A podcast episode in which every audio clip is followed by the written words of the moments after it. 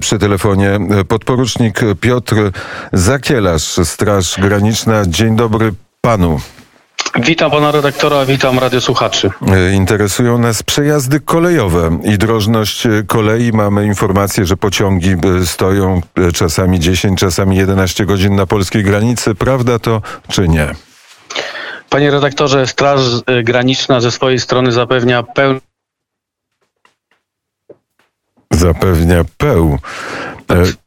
Pełne, panie podporuczniku, straci, straciliśmy łączność, straciliśmy kontakt. Mam nadzieję, że już zaraz go odzyskamy.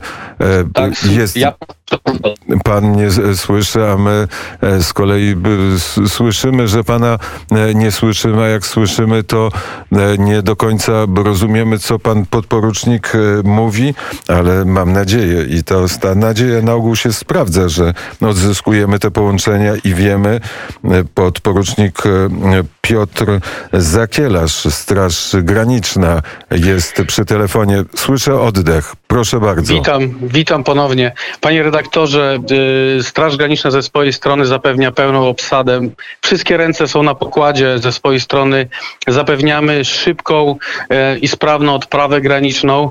W zasadzie, jeśli chodzi o ruch po pociągów, to na chwilę obecną odbywa się to bez rozkładu jazdy. Pociągi, które podjeżdżają do granicy, w momencie, kiedy ten odprawiony wyjedzie, wjeżdża kolejny. To jest kwestia też logistyczna. Musimy o tym pamiętać, że nie jest to y, jakby ruch y, na drodze, który można w jakikolwiek sposób inny y, przekierować. I tak podam przykład, że tylko wczorajszej, tylko wczorajszej doby koleją do Polski wjechało ponad 6300 y, osób. Y, to były cztery pociągi specjalne, które odprawiliśmy wczorajszej doby.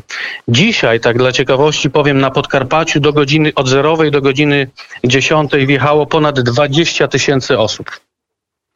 Nie mamy e, wątpliwości, panie podporuczniku, co do tego, że Straż Graniczna pracuje na pełnych obrotach, że robimy wszystko, żeby to było sprawne, tylko e, informacja jest taka, że jak ktoś jedzie pociągiem, to oczywiście na tej granicy e, musi czekać. Czy wiadomo, jak długo te pociągi czekają? Czy czekają po 10 godzin, czy czekają krócej? Jak to wygląda? Panie redaktorze, tak jak powiedziałem, pociągi podjeżdżają bez rozkładu jazdy, tak? Czyli rozumiem, że strona ukraińska podsyła te pociągi w linię granicy. To jest sprawa bardzo dynamiczna. Nie posiadam dokładnych informacji, jeśli chodzi o liczbę pociągów, które w danym, w tej chwili chociażby oczekują. My skupiamy się na tym, żeby ta odprawa była jak najszybsza i żeby jak najwięcej osób przekroczyło tą granicę do Polski i żeby poczuły się po prostu bezpiecznie. I to jest, e, i to jest e, dobra informacja.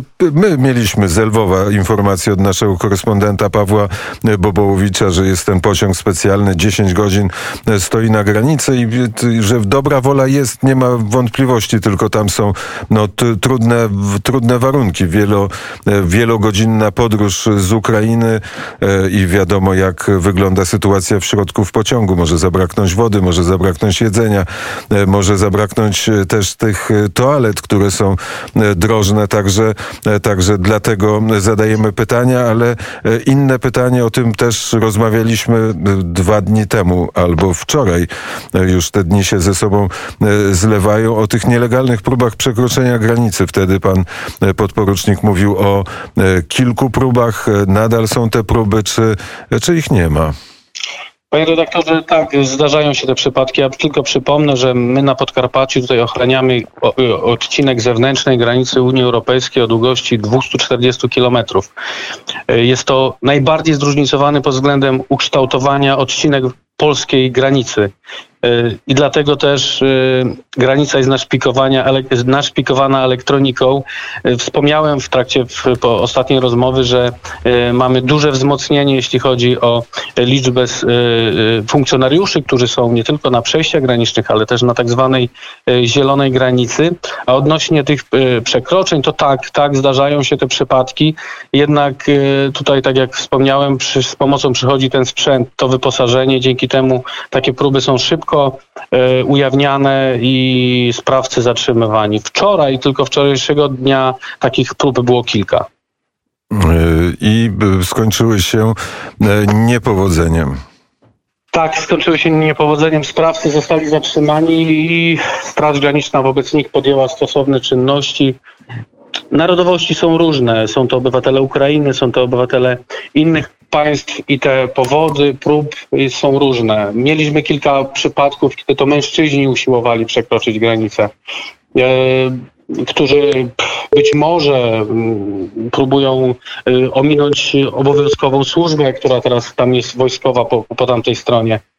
My ze swojej strony Straż Graniczna wszystkich na granicy traktuje jednakowo. Y, Jakby polskie przepisy zobowiązują też nas, żeby w takiej sytuacji osoba, która prosi o status y, y, uchodźcy, chociażby w Polsce, że aby taki wniosek przyjąć i my w stosunku do poszczególnych przypadków, bo te przypadki są różne, różne są motywacje, różne są okoliczności, swoje czynności wykonujemy.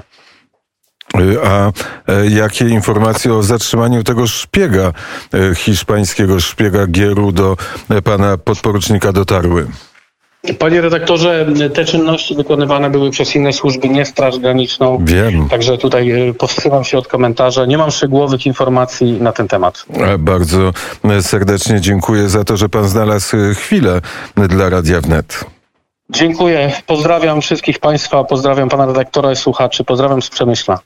Piotr Zakielarz, podporucznik, Straż Graniczna, e, był gościem specjalnego programu Radia Wnet.